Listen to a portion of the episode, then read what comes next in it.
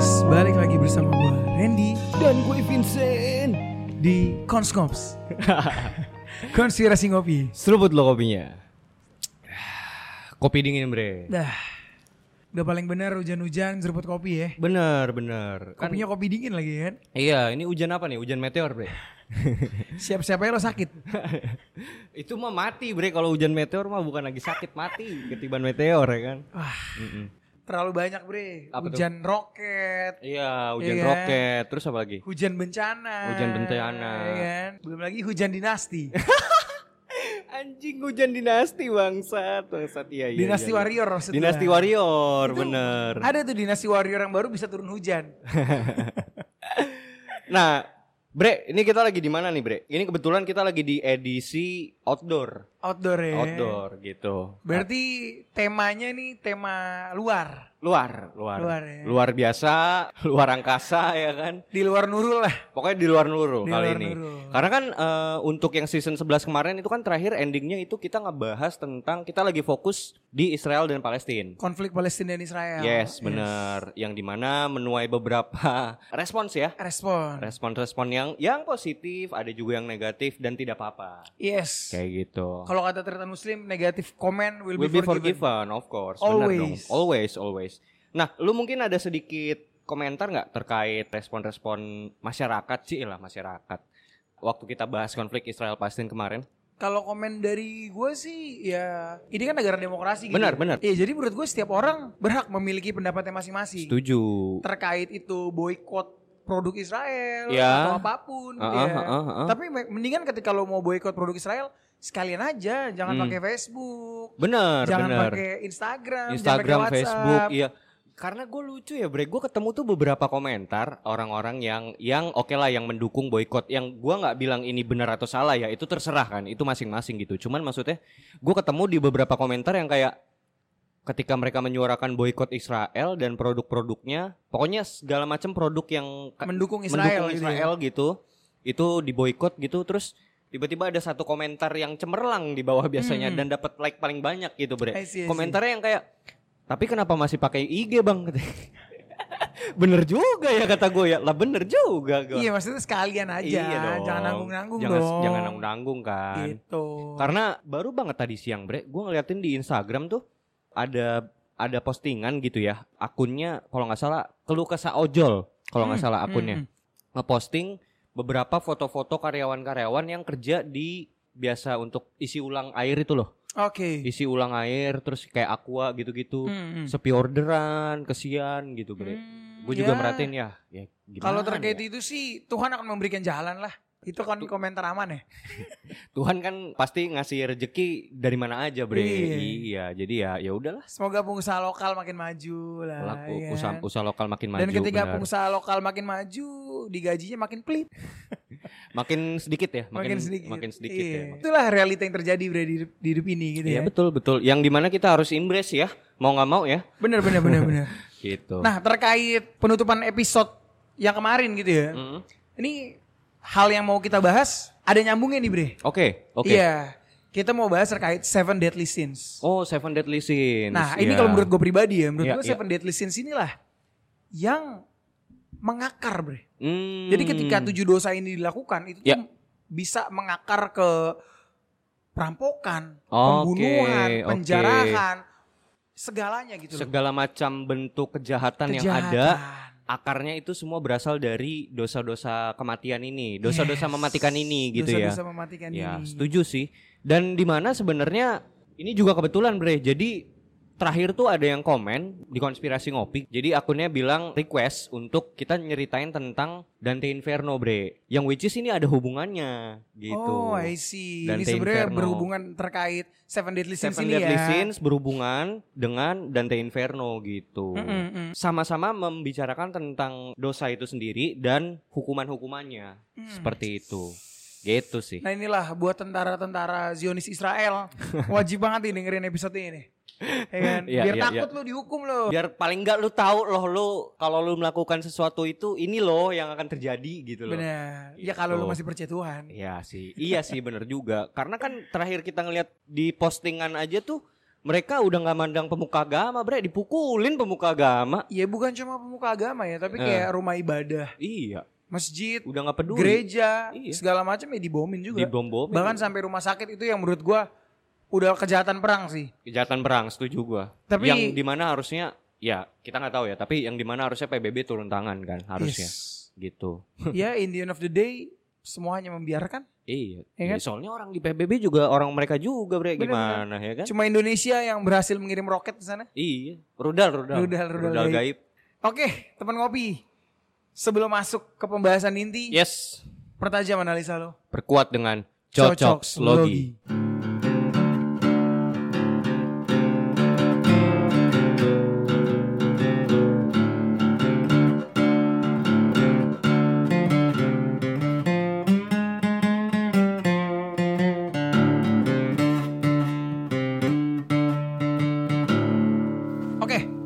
Seven Deadly Sins, bre. Oke, Jadi Seven Deadly Sins ini kan sebenarnya memang dosa-dosa yang tertera dalam Alkitab ya. benar-benar. Dalam Alkitab tapi dicoba disimplifikasi lah. Simplifikasi. Simplifikasi oleh Iya. Roma ya. Katolik lah setahu Katolik, gua. Katolik. Nah, selain itu Seven Deadly Sins ini itu tuh secara langsung ya menurut gua kayak menggambarkan dari tujuh pangeran neraka itu juga. Hmm, Tujuh merepresentasikan tujuh pangeran neraka. Yes, gitu. bener. Yang masing-masing mereka tuh punya kayak apa namanya kekuasaannya dan bidangnya. Bidangnya. Anjir, gila. Loh aja dong. Bener, bener, divisi bener. kan. Iya, bener, bener. divisi nih divisi kemalasan, divisi kemarahan gitu Kayak dan divisi masing IT, Iya, sales iya, gitu iya. kan. Ya kan kita, Emang ada job desk masing-masing kita kan pernah pernah bahas waktu itu bahwa setan pun kerjanya sistematis, Bre. bener. Iya kan? Terstruktur, Terstruktur sistematis. Masif. Masif Gila, lagi. udah kayak kecurangan pilpres. Anjing. Pilpres mana, Bre? Hah? Pilpres mana? Mudah-mudahan tidak terjadi. Pilpres Los Santos. Los Santos. Iya, iya, iya. Iya mudah-mudahan akan datang nih tidak terjadi seperti itu lagi. Menurut gua di Indo sih enggak sih, Bre. Aman Nggak ya akan Indonesia nggak akan ya. terjadi. Cuma di Indonesia Los Santos doang kok. asli Indonesia tuh menurut gua ya kemarin ada gua baca ya pemerintah Depok gitu kan Iya, iya. untuk mencegah stunting. Stunting. Iya, Uh-uh. akhirnya dianggarkan 4,4 M. Oke. Iya, terus mereka ngasih makanan lah Ini Pemda berarti Pemda Depok. Pemda Depok. Oke. Mereka ngasih makanan untuk mencegah stunting itu tuh yang budgetnya kurang lebih ya satu orang 8 ribu kayaknya deh. 4,4 M. Iya. Terus kalau dibagi per orang jadi 8.000 rupiah. Enggak, jadi ada orang ngekomen kok makanannya makanan murah gitu. Oh. Iya, tapi gua nggak tahu siapa tahu itu belinya di catering yang mahal. Iya iya iya Iya iya kan? iya iya iya iya. Gitu. Ya, memang Depok ini terkenal dengan mind blowing sih. Waduh. Pemdanya agak mind blowing sih. Gua nggak bilang jelek ya, mind Iya, iya. blowing. Sorry, tapi ini Depok yang di Los Santos kan? Ah, enggak Depok Indonesia, Oh. mind blowing Ah, kan. Kalau gue yang gue bahas Depok Santos. oh, oh bro. gitu ya. gua kejebak. Ada, ada Depok juga soalnya. Oh, ada gitu ya. Gitu. Saya terjebak anjing. Nah, ini Yes. apa hubungannya gitu, Bre, dengan Seven Deadly Sins ini gitu loh. Yang hubungannya adalah Mm-mm. gila. Jadi Seven Deadly Sins ini setelah Hmm. gue pelajarin gitu ya, Hmm. ternyata memang menurut gue segala macam dosa gitu ya. Ya. Itu berkaitan dengan ini, Bre. Setuju, setuju. Gitu. Ah, Ini ah, jadi gue bahas sedikit ya. Ini sebenarnya kita cuman belajar, sama-sama Hmm. belajar di sini. Gue cuma pengen membagikan cerita gitu ya bahwa jadi Seven Deadly Sins ini menggambarkan tujuh pangeran neraka. Hmm, Yang pertama itu kesombongan. oke. Everyone knows lah. Ya. Kesombongan siapa? Eh, Lucifer. Lucifer. Lucifer, oke. Dia sombong, Sombong, dia pride menganggap ya. dirinya setara dengan Allah, Oke. ya kan? Ah. Dan itu kayaknya dosa pertama gak sih? Dosa pertama, dosa pertama, The pride. first sin ya The berarti ya. first sin, betul, setuju. Oke. Dia dijelaskan nggak Bre itu si kalau Lucifer itu tuh dia berada di kan kalau misalnya di Seven to Sigils of Solomon Hmm. itu dijelaskan juga bahwa masing-masing kekuasaan iblis-iblis ini mereka mempunyai daerah kekuasaannya masing-masing. Jadi bahkan neraka pun di apa ya dibagi menjadi bagian-bagian gitu. Ada Iya, bagian iya, iya. utara, selatan Benar benar gitu. benar. Itu dijelaskan nggak? Itu kalau mau lebih detail mendingan teman ngopi cekidot aja di episode kita. Oh iya. iya, benar, taruh linknya bre. Ya oke oke. Kita pernah ngebahas itu kan? Ada ada di Seven to Sigils of Solomon sama di kitab Henok juga kita Yes, jelasin kayak itu gitu. kita bahas tuh terkait siapa sih leader, leader of hell itu kan? Benar benar. Oh Nah, itu, itu- kita spesifik banget lu yang di Detail bro. Detail apa banget. sih yang apa sih nggak kita bahas? Maksap. Iya benar Iya. benar benar benar. Cuannya nih belum ngalir nih. Anjay, sabar we, sabar. Sabar, kita jangan sampai terdirect oleh mamon ya. Iya, jangan terkuasai oleh dosa nafsu dan keserakahan nafsu. kita gitu. Nah yang pertama kan kesombongan tuh bre, Ya. Lucifer, Hmm. dosa terhadap Tuhan Allah lah. Ya. Nah yang kedua itu ada Mamon. Oke. Mamon ini keserakahan bro. Makanya dalam ayat Alkitab sendiri di situ dibahas kan bahwa lu nggak bisa menyembah dua Tuhan, ya kan Tuhan Allah Hmm. atau Mamon. Ya.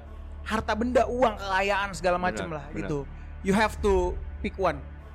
Tapi menurut gue ya ini kalau gue mau menambahkan literasi tersebut sebenarnya paling tidak dipengaruhi juga oleh kebudayaan Mesir deh. Karena Oke. iya karena dewa Mamon ini sebenarnya itu diambil dan diadopsi dari kepercayaan Mesir yang mempercayai ada suatu dewa, dewa kesejahteraan. Oh, Namanya dewa Amon. Makanya Amon ya. Amon, makanya dewa matahari Mesir itu juga disebut juga sebagai Amunra. Mm-mm. Amon. Jadi Amon itu sebenarnya memberikan kesejahteraan kepada umat yang menyembahnya gitu. I see. pagan ya. Paganisme, paganisme Hmm. dalam Mesir ya, Iya, dalam iya, Mesir. Yang di mana kan waktu itu konteksnya ketika di zaman Yesus ketika itu dia berbicara tentang hal itu, ya saat itu pula kerajaan Yudea dan sekitarnya itu memang isinya orang-orang yang memang dari Mesir lah, dari mana, Hmm. dari mana ngumpul di situ Ngumpul gitu di loh. situ ya. Jadi dia menggunakan ungkapan yang memang sudah umum pada saat itu gitu loh. yes yes. Iya, jadi sesuai konteks gitu. Oke. Gitu. Dan Mamon ini keserakahan ini gitu ya. Ya. Ini bener-bener mendarah daging anjing di umat manusia bro. Iya lagi. Gila. Bahkan di udah di disclaimer dan sudah diperingatkan ya. Jadi di dalam Alkitab sendiri pun sudah diperingatkan bahwa akar dari segala kejahatan adalah uang, Bre. Cinta uang ya. Cinta uang itu merupakan eh, akar dari semuanya gitu loh. Itu akan menimbulkan keirian, dengki, segala macem. Wow. Saudara berantem ya kan. Bener-bener. Laki bi-. Laki bini cerai kebanyakan gara-gara apa? Eh, iya, ekonomi. Bener nggak? Bener-bener. Iya kan? Semuanya hampir semuanya kayaknya rootnya itu nggak sih gitu. Jadi sebenarnya kalau kalau yang gue lihat sih ini bahaya banget sih ini. Scenes yang ini bener-bener mematikan. Si keserakahan ini Mamon Iya, ini ya. Iya, iya. Nah lanjut bre. Ada dosa ketiga itu adalah nafsu Hmm. Yang digambarkan oleh Asmodeus. Asmodeus. Asmodeus.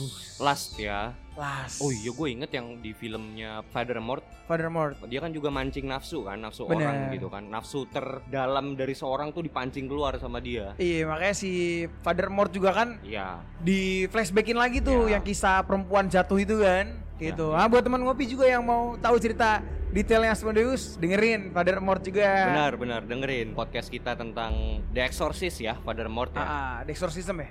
Nah, dalam kitab Tobit disebutkan Asmodeus jatuh cinta dengan seorang wanita bernama Sarah. Ia pun membunuh tujuh suami Sarah demi memiliki sang pujaan hati. Asmodeus kemudian berhasil dikalahkan dan diusir oleh suami ke-8 yang bernama Tobias.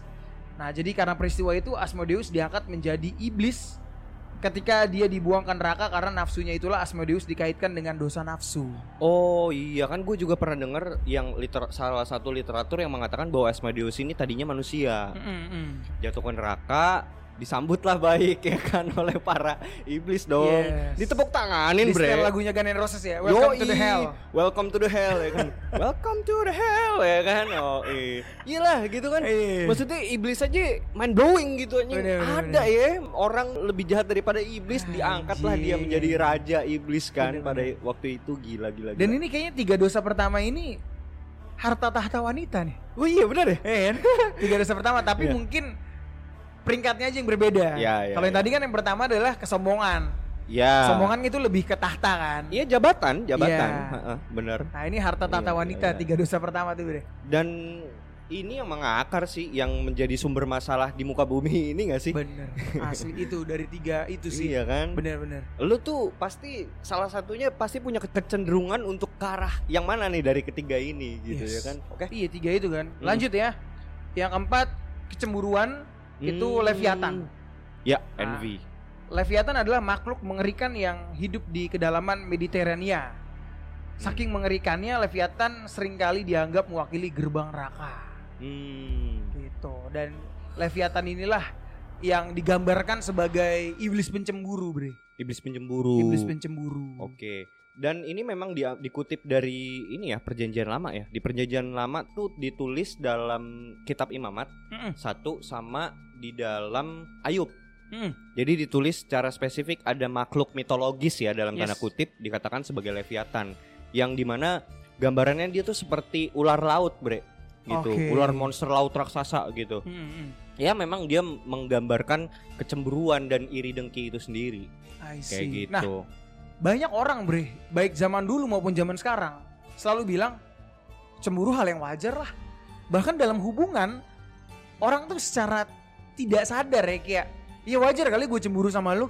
ya, Nah, menurut ya, pribadi? ya, ya, ya. Cemburu tuh wajar gak sih? Eh, secara manusiawi ya, tapi kalau secara secara apa yang doktrin ajarkan sendiri ya, Mm-mm. artinya idealnya, Mm-mm. idealnya manusia seharusnya lu nggak boleh cemburu lagi. Dalam artian gini, kalau lu cemburu akan sesuatu atau misalnya dalam suatu hubungan, berarti lu masih melekat kepada duniawi, bre. Bener Oke, sih? gue Bener sepakat. kan? Jadi kalau lu cemburu sama atau lu takut kehilangan akan sesuatu itu berarti hati lu masih melekat kepada duniawi sendiri gitu dan Iya. lu nggak nggak pantas kalau menurut Yesus lu nggak pantas iya dong Iya, iya. yang di mana kalau lu masih cemburu akan hal itu ya berarti lu akan lebih memilih misalnya nih istri lo orang tua Hmm. lo dibanding Tuhan lo sendiri ya You itu kan namanya him ya. Iya, namanya kan berhala jadinya kan, Bener, bener, kayak bener. gitu. Jadi ya pada dasarnya idealnya harusnya manusia tidak mempunyai rasa kecemburuan itu gitu. Iya sih, dan Bahkan banyak kan di buser-buser tuh orang gara-gara cemburu ngebacok orang kan. membunuh orang, Iya. rampok, berbuat kasar, Iya, cemburu. cemburu. Cuman gara-gara gara-gara cemburu, Bre. itu lagunya Dewa. Apa tuh? Ingin ku bunuh pacarmu. Wah, anjing. Oh, itu bahaya juga ya cemburu. lagunya ya. Iya kan? Banyak orang selalu bilang nggak apa-apa cemburu, nggak apa-apa cemburu, nggak apa-apa cemburu. Dan gue pengen Cemburu ya, itu tanda cinta katanya. aduh, men, buat orang-orang teman-teman ngopi yang masih mikir cemburu adalah tanda cinta, ini untuk orang-orang Kristen ya. Baca di Korintus deh. Hmm. Di situ dibilang kasih itu lemah lembut, kasih itu Yes. penyabar, kasih itu Bener. tidak pencemburu. Ah, tuh dia tuh bener. Iya, ketika lu cemburu akan sesuatu, menurut gue ya, itu bukan cinta bro, Yes, itu obsesi. obsesi, posesif. Benar, benar. Karena ketika lu mencintai sesuatu, kalaupun ya, kalaupun si orang tersebut ini gua bilangnya orang lah, konteksnya orang. Ketika lu mencintai orang tertentu gitu, lu akan rela dia tuh meskipun dia jalan dengan orang lain, meskipun dia Menyakiti sayangnya lu. menyakiti lu dan menyayangi orang lain dan lu tahu itu karena lu cinta, maka lu akan menerima itu. That's the real love, man. Ini pengalaman pribadi nih. That's the real love. Bener gak? Iya, itu iya, cinta iya. sejati loh. bener, Bener gak? Bener, bener. Dan bukankah itu yang Yesus lakukan? yes. Yesus tahu bahwa manusia ini lebih mencintai uang daripada dia. Tapi apakah dia tidak berhenti mencintai? Yes. Ya enggak? Yes. Nah harusnya kita demikian. Dia gitu loh. tuh bener-bener definisi cinta tanpa syarat. Yes, Dan itu yang diajarkan dalam Korintus. yes, benar. Cinta tanpa syarat. Jadi kalau seandainya lu masih cemburuan, berarti lu nggak cinta. Lu cuman obsesi. Obsesi ya. Mm-mm. Ini mungkin buat teman-teman ngopi yang berpacaran atau berumah tangga butuh kelas cinta, kontak Finks nih. Sejam tujuh puluh ribu. eh, lumayan tuh. Ya lebih murah bener dibanding psikolog. Iya ya kan. Iya. Iya. Kalau gue real langsung soalnya gue mengalami ya kan. Oke, gue lanjut ya. ya. Yang nomor 5 ini ada kerakusan, Bre. Belzebub. Sorry tadi yang tadi ketamakan atau Mm-mm. apa sih? Yang tadi nomor dua itu sinsnya Keserakahan. keserakahan. Ini kerakusan. Oke siap. Gitu. Beda ya. ini dilambangkan oleh Belzebub. Hmm. Jadi Belzebub juga dikenal dengan nama Lord of Flies Yes. karena kemampuannya untuk terbang. Ya. Keberadaan Belzebub sering dikaitkan dengan Lucifer Hmm. sebab sosoknya adalah iblis paling kejam hampir sekejam Lucifer. Hmm. Belzebub tidak perlu berbuat banyak untuk menjerumuskan manusia ke dalam kerakusan. Dia akan mengajak seseorang untuk makan banyak, mahal, rakus, dan pilih-pilih makanan. Dosa Ya. yang kelihatan kecil tetapi bisa menjadi dosa besar jika dilakukan terus-menerus. Hmm, rakus ya. Nah, ini gaya hidup hedonisme nih menurut gua. Hedon ya, hedonisme ya. Hedon. Nggak ada nggak ada rasa cukup ya. Yes. Iya kan? Yes. Boros, rakus, pengen Yes, lebih ya kan benar. kayak gitu-gitu. Oh iya iya iya. Iya kan? Seperti Benar, ketika benar, benar. Anda sudah berkuasa, Anda pengen anak Anda berkuasa juga solid. Sentil terus ya kan. Tapi itulah gunanya konspirasi ngopi, Bre. Iya. Untuk menyentil-nyentil ya kan Untuk kayak menyentil ya. kayak warkop ya kan. Tapi kita nggak ada nggak punya dekingan ya iya, gitu. kita ya. nggak punya daggingan. Apa dekingan kita Tuhan, Bre. Keren, keren, keren, keren. Coba ngomong itu ketika lu ditangkap ya kan bisa nggak lu? Dan ini yang gue Iya, sukain iya, dari iya. John Lennon juga, Bro. Ah, ah. Jadi again and Oh, again gue bahas John iya. Lennon bahwa secara nggak langsung lagu Imagine yang ditulis John Lennon ini Hmm. menggambarkan ya Deadly Sins inilah. Gitu. Possession. Possession. Oh, Jadi kepemilikan. manusia itu tamak anjing. Tamak. Mau lagi, mau lagi, mau lagi, mau lagi. Benar benar. Lu udah benar. punya cewek lima, nambah Iya, lagi, nambah benar. lagi. Iya, tapi bahkan pun gini, Bre. Gue juga jadi teringat ya kalau teman-teman ingat ya, teman-teman ngopi eh, apa yang udah pernah kita bahas tuh di Seven to Sigils of Solomon.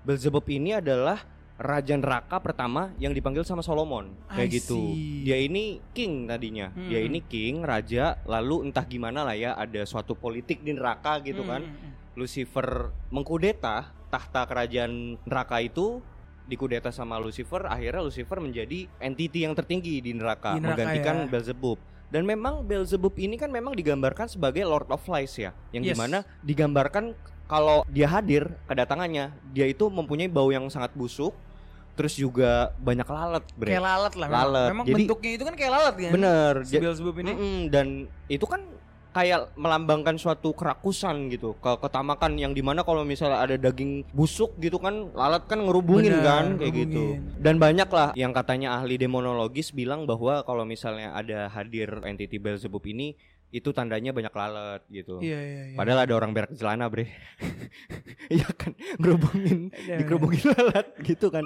Bukan Beelzebub bre sebenarnya Ngaco aja itu Iya makanya lah, gue setuju dengan lagunya Hindia lah. Apa tuh? Secukupnya. Secukupnya anjing. Jangan rakus. Jangan rakus ya Secukupnya. Bahkan kita sendiri sebagai orang Kristen ya Itu diajarkan Berilah kami rezeki yang secukupnya Secukupnya Ya. dalam doa bapak kami itu. Benar benar Yes Lanjut bre Gue lanjut ya, yang keenam itu ada kemarahan atau yang dilambangkan oleh Satan itu sendiri. hmm, Gitu. Kemarahan? Kemarahan. Wrath ya. Wrath. Kemarahan itu ya, ketika orang dalam kondisi marah, Yes gitu ya. Bahkan dalam ayat Alkitab ada tertulis, jikalau kamu marah, masuklah ke dalam kamarmu, bre. Sendiri aja gitu loh. Hmm, Karena ketika lo marah, sama tuh lo nggak bisa kontrol diri lo. Benar Dan apa yang lo ucapkan, apa yang lo lakukan, Itu nggak bisa lo kontrol itu di luar kendali lo. Di luar kendali Betul Banyak perceraian terjadi. karena karena suatu kemarahan, Kemarahan. kayak gitu kemarahan sesaat Yes. jadi bener sih itu juga jadi mengintimidasi lu untuk melakukan sesuatu yang di luar nalar gitu Iya. yang pada akhirnya ketika lu nanti flashback lu akan menyesali itu lo akan nyesel. gitu Iya. banyak banyak orang kan putus nyambung gara-gara marah doang bre iya nggak terus nyambung ya sorry kemarin aku nyambung." marah gitu ya kan basi banget kan Dan terbaru nih ada nih Apa? uh, mantan anak artis lah dia menganiaya pacarnya bre. oh ya Kemarahan gitu bahkan Kopok. orang yang sama anjing. Orang yang sama tadi lewat bang lewat Iya. lagi. Atas motor yang nah kalau ini dimarahin nggak apa-apa bre Iya jadi di dalam videonya itu si ceweknya ini kayak ngerekam salah satu anak artis ini kayak nyekek dia bre. Hmm. Ngelakuin apa namanya kekerasan lah. Sampai dia ngancam-ngancam lu lapornya polisi gua nggak takut gua nggak takut kata dia. Yang bilang siapa? Yang, Yang melakukan. menganiaya ini iya. Hmm. Sampai akhirnya rekamannya ada dilaporin polisi di penjara nangis-nangis. Nangis-nangis. Nyesel kan? Basi, basi, Basi. basi. Tapi emang gitu sih. Jadi emang lebih baik ya setidaknya idealnya manusia tuh ketika pengen marah gitu, tarik nafas biasanya kan, tarik nafas, tenang ya kan. Kalau gue sih biasanya kalau kayak gitu tuh gue biasanya nyari tempat tenang. Jadi gue cabut dulu nggak tahu ke mana. dulu kan? Iya. Iya. Untuk menenangin diri sebenarnya kayak gitu. Karena ketika lo lagi marah, memang banyak banget.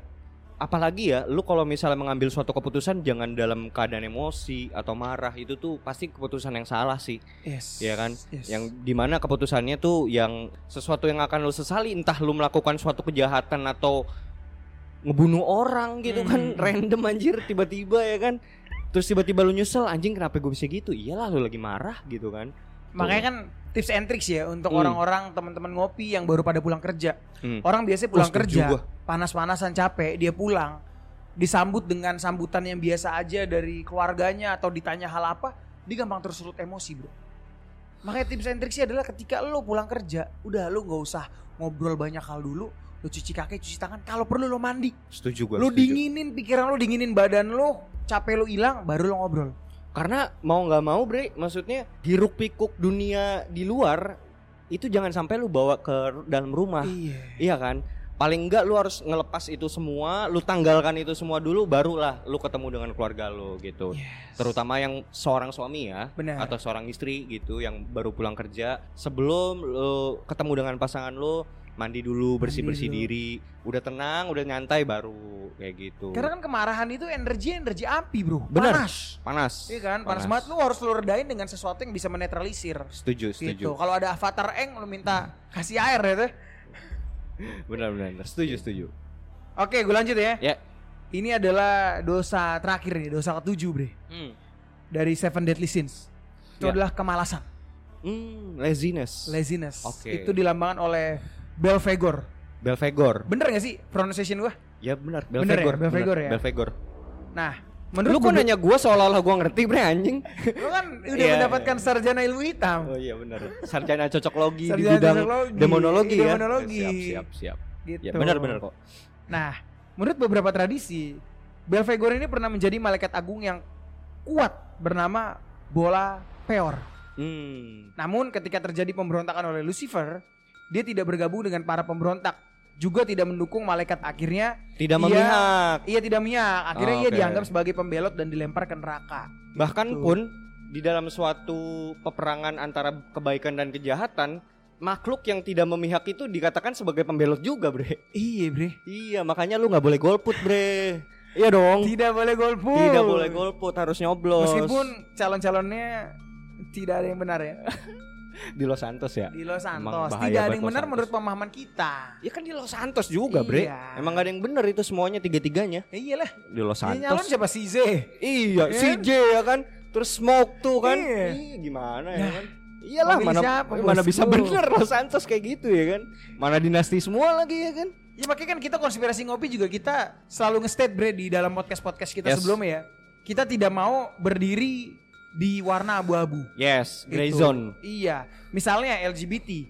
Kita jelas bilang LGBT itu salah. Ya. Tidak ada Asep dijodohkan dengan Asep, Betul, setuju. ya kan? Betul. Walaupun kita tidak mendiskreditkan ya, itu sih terserah. Iya. Tapi kita memilih untuk tidak dan tidak setuju dengan hal itu. Tidak setuju. Yang di mana itu nggak bisa diganggu gugat. Itu Benar. prinsip. Itu prinsip. Gitu. Beda ya, harus Yes. dibedakan.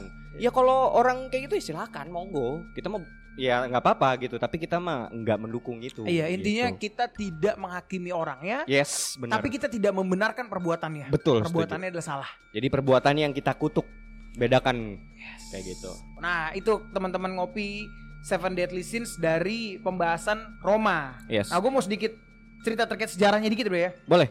Jadi sebenarnya Alkitab tidak secara langsung menyebutkan tentang tujuh dosa besar ini. Hmm. Akan tetapi konsep ini sudah dikenal sejak lama. Ah, Berawal dari abad keempat ketika Evagrius Ponticus seorang biarawan Kristen menuliskan gagasan delapan pikiran jahat yang terdiri dari kesombongan, nafsu, kemarahan, keserakahan, kesedihan, kemalasan, kerakusan dan kebagaan.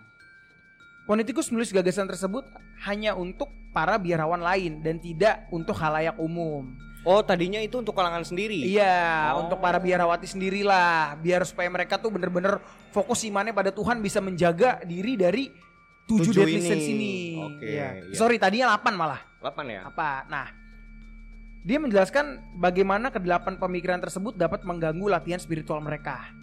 Selanjutnya, John Cassian, salah satu murid Ponticus membawa ide dan gagasan ini ke gereja barat. Di sinilah pemikiran Ponticus diterjemahkan dari bahasa Yunani ke bahasa Latin. Hmm. Lalu pada abad ke-6, gagasan Ponticus diatur kembali oleh Saint Gregorius Agung yang nantinya menjadi Paus Gregorius I. Hmm. Dalam prosesnya, gagasan tersebut diubah dengan menghilangkan sifat kemalasan dan menambahkan iri hati. Oke. Gitu. Jadi ya berdasarkan inilah Seven Deadly Sins ini tuh muncul lah. Oke. Dan ini sebenarnya harusnya jadi refleksi juga ya buat teman-teman semua. Mari kita juga sembari kita mendengarkan podcast ini kita melihat bentuk-bentuk dari akar kejahatan dan dosa itu sendiri kan ada tujuh di yang udah kita tadi jelaskan. Nah kira-kira yang mana nih teman-teman nih buat kalian masing-masing yang mana menurut kalian adalah dosa terbesar kalian dan kecenderungan dosa kalian tuh yang mana sih gitu? Lo yang mana? Kalau gua, gua bisa mengakui laziness lagi. Wah, gua sumpah gua males banget bre orangnya. Bener, bener, bener. Gua males banget orangnya dan itu dosa terbesar gua anjir. Eh, iya, iya. Bener. Iya iya itu dosa terbesar gua gitu. Padahal kita selalu baca Amsal 6 ayat 6 ya. Apa tuh? Hai pemalas belajarlah dari semut. iya iya, iya. Kita selalu baca itu tapi tetep aja kayak mau ngelakuin ini ada ntar deh. Aduh, ntar dulu Ngelakuin deh. ini ntar deh. Enggak iya dan dan ironisnya kemalasan itu termasuk ke dalam dosa mematikan gitu Bisa loh. mematikan. Yang di mana lo tidak berbuat apa pun pun itu dianggap dosa gitu loh. Benar. Gila gila. Nah, ini untuk teman ngopi jangan khawatir, Bre. Hmm. Ada counternya dari Ntar dulu lu apa? Jangan mau lari lu. Aduh. Iya lu apa? gua kemalasan sih.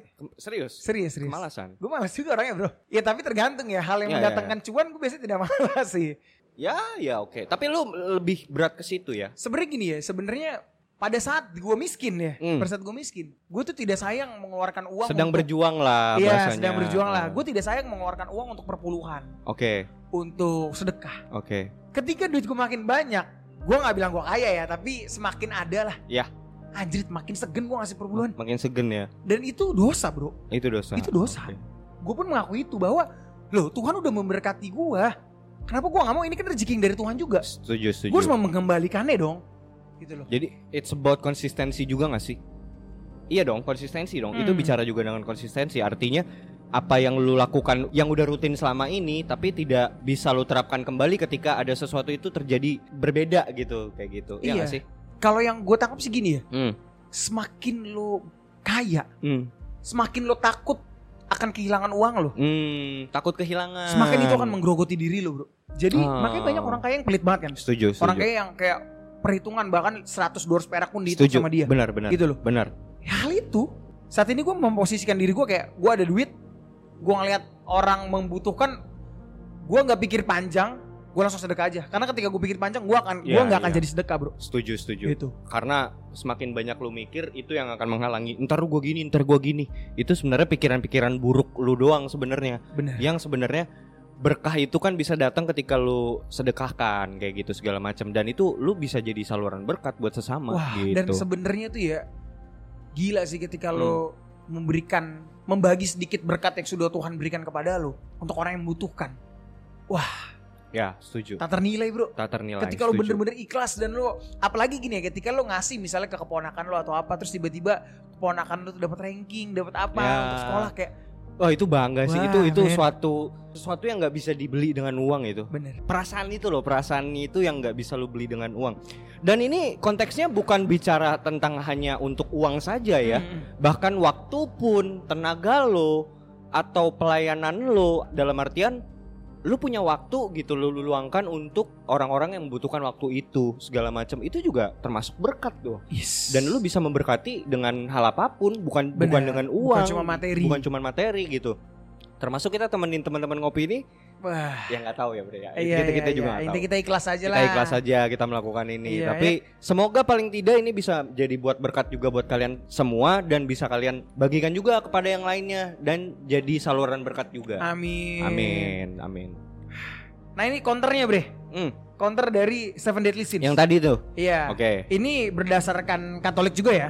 Berdasarkan tulisan-tulisan Katolik lah. Gua nggak tahu nih, lu sebagai ex Katolik pernah mendengar ini atau enggak? enggak enggak pernah Tujuh Gua- kebajikan.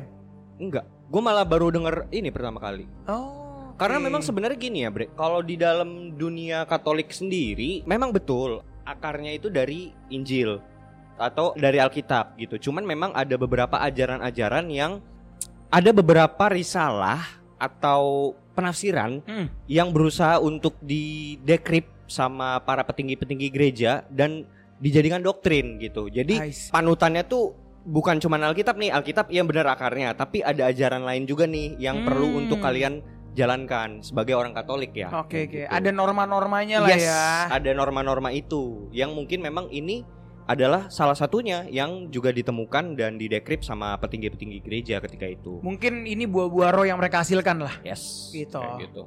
Nah, nomor satunya adalah kerendahan hati.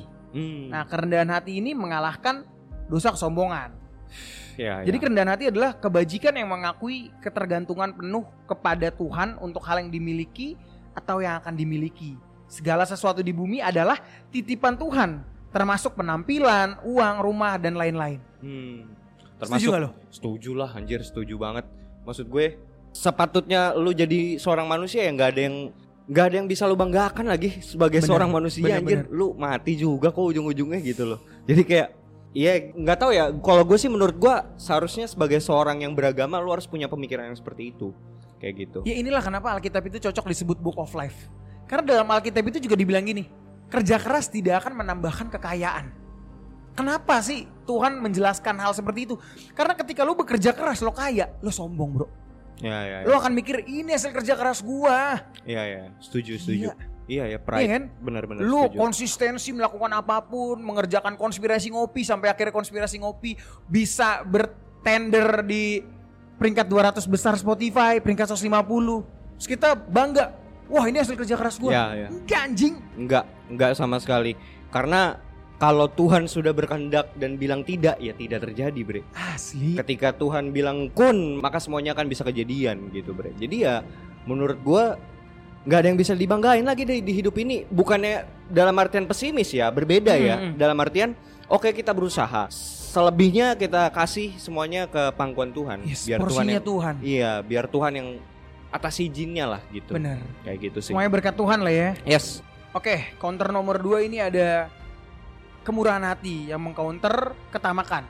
Jadi mengatasi dosa ketamakan contohnya menyumbangkan materi, waktu dan bakat kita bagi orang yang kurang beruntung. Hmm. Nah, seperti yang tadi lo contohin Bre, misalnya kita juga tag konspirasi ngopi ini ya. untuk orang-orang yang memang lagi bosen ya kan. Iya. At least kita menghibur juga loh. Loh, itu berkat tahu? Berkat. Itu berkat gak sih? Bener. Harusnya berkat, Bre. Jadi gini loh. Makanya kita tuh sebagai orang orang yang hidup di dunia ini ya, kita tuh jangan pernah menyempitkan dimensi berkat. Bener. Itu nggak selalu uang, Bre. Yes. Waktu dengan gue tuh pernah, Bre. Ini mungkin sekedar cerita ya, cerita pengalaman pribadi gue. Jadi dulu gue pernah kerja di suatu tempat gitu, yang Mhm. di mana gue berkelimpahan lah dalam artian eh, materi ya, uang Yes. segala macem. Tapi ada satu berkat yang kurang. Gue kekurangan waktu dengan anak gue. Wah. Itu kan iya dong. Iya iya iya. Dan pada akhirnya gue memilih untuk meninggalkan kerjaan tersebut untuk mendapatkan pekerjaan yang baru dan akhirnya gue bisa mendapatkan lagi berkat waktu karena waktu itu nggak bisa dibeli pakai uang bre asli. dan nggak bisa ditukar Bener. dan itu rejeki kan waktu itu rejeki kan jadi kita sebagai manusia menurut gue harus meluaskan dimensi berkat itu karena Mm-mm. dimensinya tuh banyak banget variabelnya ya nggak sih melulu melulu terkait uang Iya. lah. waktu yang paling berharga sorry sorry to say ada banyak cerita orang kaya tapi kehidupan masa tuanya dihabiskan di rumah sakit Iya.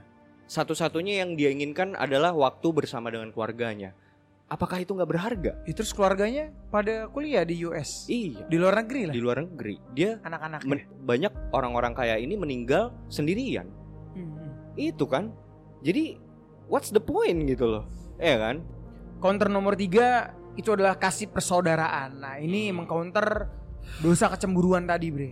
Jadi mengatasi dosa kecemburuan, kebajikan ini membuat kita benar-benar bahagia dengan keberhasilan semua orang, termasuk orang yang tidak kita sukai.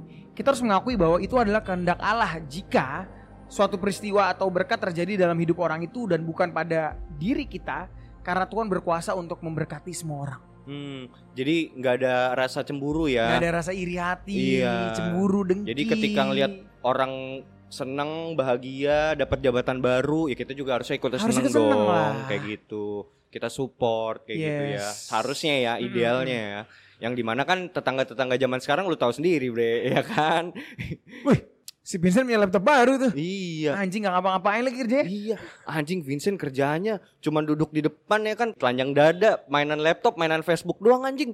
Bisa bangun rumah ya kan, miara tuyul nih orang kata. Kan random ya, eh, tapi that's ya itulah kehidupan bertetangga ya kan. Iya. Gak tahu aja loh. Eh. Admin judi online. iya iya iya. Bukan iya. ya? Hah? Bener sih. bener, admin judi online gua. Nah itulah sesama manusia harus saling mengasihi lah. Iya benar benar. Lanjut ya. Counter keempat dari kemurkaan. Itu adalah kelemah lembutan. Hmm. Yesus berkata, berbahagialah orang yang lemah lembut. Karena mereka akan mewarisi Kerajaan Allah. kerajaan Allah. Ya udah itu ayat yang simple yet powerful gitu loh. Mm-mm. Lu tuh harus berbahagia sebagai orang yang lemah lembut ketika ada orang marah, ada orang menjengkelkan, melukai hati lo. Pergi aja, Yes, betul. tenangin hati dan pikiran lo. Iya. Bahkan kalau bisa lu jangan tersulut, jangan Yes, terintimidasi yes, bener. dengan omongan apa pun itu. Mm-mm. Karena pada dasarnya nggak ada untungnya lagi. Ujung-ujungnya lu, lu juga yang rugi, Bro. Yes. Iya gak sih? Kayak Bener. gitu. Malah sebenarnya menurut gua orang memperlakukan kita seperti itu yang rugi tuh dia gitu loh. Iya gak sih? Agree. Jadi buang-buang tenaga kali kalau misalnya lu mikirin omongan orang terus yang kayak terlalu baper gitu. Itu rugi tau. Lu yang rugi gitu bener, loh. bener. Rugiin psikologis lu segala macem gitu.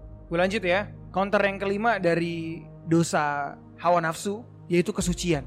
Nah ini dosa kelima ini menurut gua salah satu hal terberat untuk laki-laki sih. Jadi banyak laki-laki itu gagal dalam menanggulangi dosa ini. Bahkan Nabi Daud orang yang paling disayang oleh Tuhan di perjanjian lama itu pun jatuh gitu loh.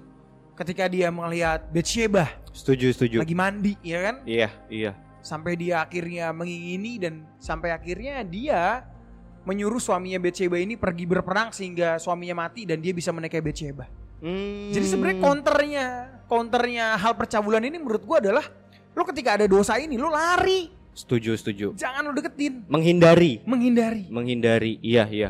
Hal itu yang dilakukan oleh Yusuf ya, ya. Yusuf ketika digoda oleh istri Potifar. Gitu. Karena pada dasarnya naturnya laki-laki ya memang seperti itu gitu Iya. loh, nggak nggak banyak kan kita dengar kata-kata kucing dikasih ikan ya, Iya kan? aku Adalah adalah lelaki lelaki yang tak pernah lelah.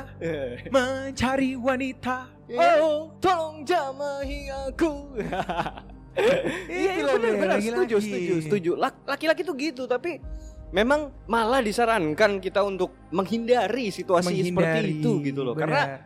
nggak akan nggak akan ada laki-laki normal ya Hmm. yang bisa menghadapi situasi seperti itu. gitu. Iya, apalagi di tengah gempuran cewek-cewek joget TikTok baju seksi. Di mana mahkotamu King? iya iya iya iya setuju setuju setuju. gitu. Oke, gue lanjut. Yang counter keenam bre dari kerakusan itu adalah kesederhanaan. Kesederhanaan. Kesederhanaan. Wow. Nah Beautiful. inilah counternya adalah doa bapak kami sih. Hmm. Cukup Cukup cukup. gitu. Jadi lo nggak usah iming-iming punya mobil mewah atau apa segala macem. Ini sebagai anak-anak Tuhan yang menurut gue kayak cukup aja lah. At least lo cukup gitu loh. Cukup beli Camry. Ya benar benar. Cukup buat beli rumah dua tingkat ya kan? Eh. Ya, itu cukup kan? Cukup. Karena takaran cukup ke orang kan beda-beda, Beda-beda. Bre. Lu yang tahu takaran lu, kalau lu udah ngerasa cukup ya udah stop di situ. Yes. Karena sesuatu yang berlebihan itu nggak baik. nggak baik. Apa pun itu ya, Hmm. mau baik mau buruk, kalau itu berlebihan nggak baik juga. Bahkan mencintai terlalu dalam aja. iya, Too much love will kill you bro. iya iya ya, setuju. Overdosis. iya dong. Overdosis. Bunuh diri, iya kan? Bener kan? Bahkan maksud gua ini dalam konteks obat-obatan juga kan kalau misalnya lo obat itu baik dalam takarannya, Iya. berlebihan overdosis. Sesuai takaran. takaran dokter. Resep Iya, dokter. Resep dokter. Gitu. Nah ini counter ketujuh bre dari dosa lo tadi. Apa tuh? Ketekunan. Ketekunan ya? Ya. Ya. Jadi ketekunan adalah kebajikan yang memberitahu kita untuk memenuhi kewajiban kita dalam hidup. Bahkan pada saat kelelahan. Seringkali orang ingin lari dari masalah dan dari kewajiban. Hmm. Diperlukan ketekunan untuk tetap setia melakukan kewajiban kita. Ya. Termasuk pekerjaan, tanggung jawab terhadap keluarga, negara, komunitas, dan gereja. Ini lebih simpelnya bahasanya disiplin nggak sih? Bisa nggak sih? Ya bisa lah. Ketekunan, disiplin Bisa, ya. ya. Ya kan? Jadi ketekunan hati, kedisiplinan itu memang bisa mengalahkan laziness ini. Iya Yes, ya, setuju, setuju, benar. setuju. Oke. Itu sih teman-teman ngopi untuk counternya. Tapi yang gue perhatiin tadi ini kan berarti doktrin yang diterapkan dan ditemukan ya oleh para petinggi-petinggi gereja ya ketika itu Iya, ya. gereja Katolik lah. Gereja Katolik yang di mana sebenarnya ini juga kemungkinan besar ya mereka tuh juga melihat dan mengambil dan mengutip dari salah satu ayat yang di- ada di Alkitab. Bre. Oh pasti, pasti. Iya. Nah mungkin ini bisa gue bacain ya. Ini mungkin akarnya tuh dari sini bre. Hmm, hmm. Itu tertulis di Galatia 5 ayat 22 yang bertuliskan tetapi buah roh ialah kasih, sukacita, damai sejahtera, kesabaran, kemurahan, kebaikan, dan kesetiaan. Iya benar-benar. Jadi ini tuh kayaknya ngambil dari sini deh harusnya kayak gitu. Terus juga gue mau ngebacain satu ayat lagi yang tadi lu baca juga di Korintus 1 Korintus 13 ayat 4 Kasih itu sabar, kasih itu murah hati, ia tidak cemburu, ia tidak memegahkan diri dan tidak sombong. Wow. Wah, ini beautiful sih kata-kata ini. Sebenarnya ikut Tuhan tuh enak banget ya. Ya, ya. Lu bisa menghasilkan buah-buah roh itu. Ya, Balik lagi, bukan menghasilkan kekayaan lo. Ya. Tapi menghasilkan buah-buah roh yang buah-buah roh itu tuh adalah kasih. setuju. Hidup lu jadi damai, Bre. Hmm. Karena yang paling berharga itu di dalam hidup orang beriman ya khususnya itu adalah sukacita. Sukacita. Sukacita. Jadi bukan berkat yang di mana didistorsi pada zaman sekarang bahwa lu ikut Tuhan pasti lu dapat berkat. Nah itu salah tuh pemikiran yang Ya salah berkat itu tuh. berkat sukacita. Maksudnya kan berkat yang orang pikirkan di dalam Materi dimensi ya. berpikir tuh materi bre, kayak gitu. Yang di mana sebenarnya yang paling berharga itu adalah sukacita itu sendiri. Wow. Di mana lu bisa terus bersukacita Wow. dalam hal apa pun. Bahkan dalam kesusahan. Dalam kesusahan lu bersukacita tuh gimana? Eh, Nah itu kan yang seharusnya itu adalah berkat yang paling hakiki menurut gua bre. bener. Di mana lu masih tetap bisa slow, santai, di mana kehidupan lu tokan lu berisik ya kan, tapi lu tetap bisa slow Tetap itu sans, tetap tersenyum iya ya kan? kan. Nah itu itu yang harus dimiliki. Wow. Nah tapi sebelum kita akhiri episode kali ini, gue mau disclaimer nih. Ini sebenarnya kita bukan mau menggurui ya, kita bukan mau menggurui atau mengajari orang karena sebenarnya kita juga nggak lebih baik lah dari kalian yang mendengarkan Iyalah. ini gitu. Maksudnya gue lebih bangsat lah dari kalian kayak gitu. Jadi sekali lagi ini tidak kita tidak menggurui, kita cuman belajar sama-sama belajar Hmm. di sini untuk menjadi versi manusia yang lebih baik. Bener. Bener gak? Bener. Gitu. Kalau dari gue pribadi sih, gue cuma pengen membagikan cerita gitu ya bahwa, wow ikut Tuhan tuh enak. Setuju. Udah Setuju. itu sih. Nah, ini sebenarnya akan menyambungkan ke episode selanjutnya yang di mana kita akan menceritakan tentang kejadian Dante Alighieri yang melakukan perjalanan ke neraka, Bre.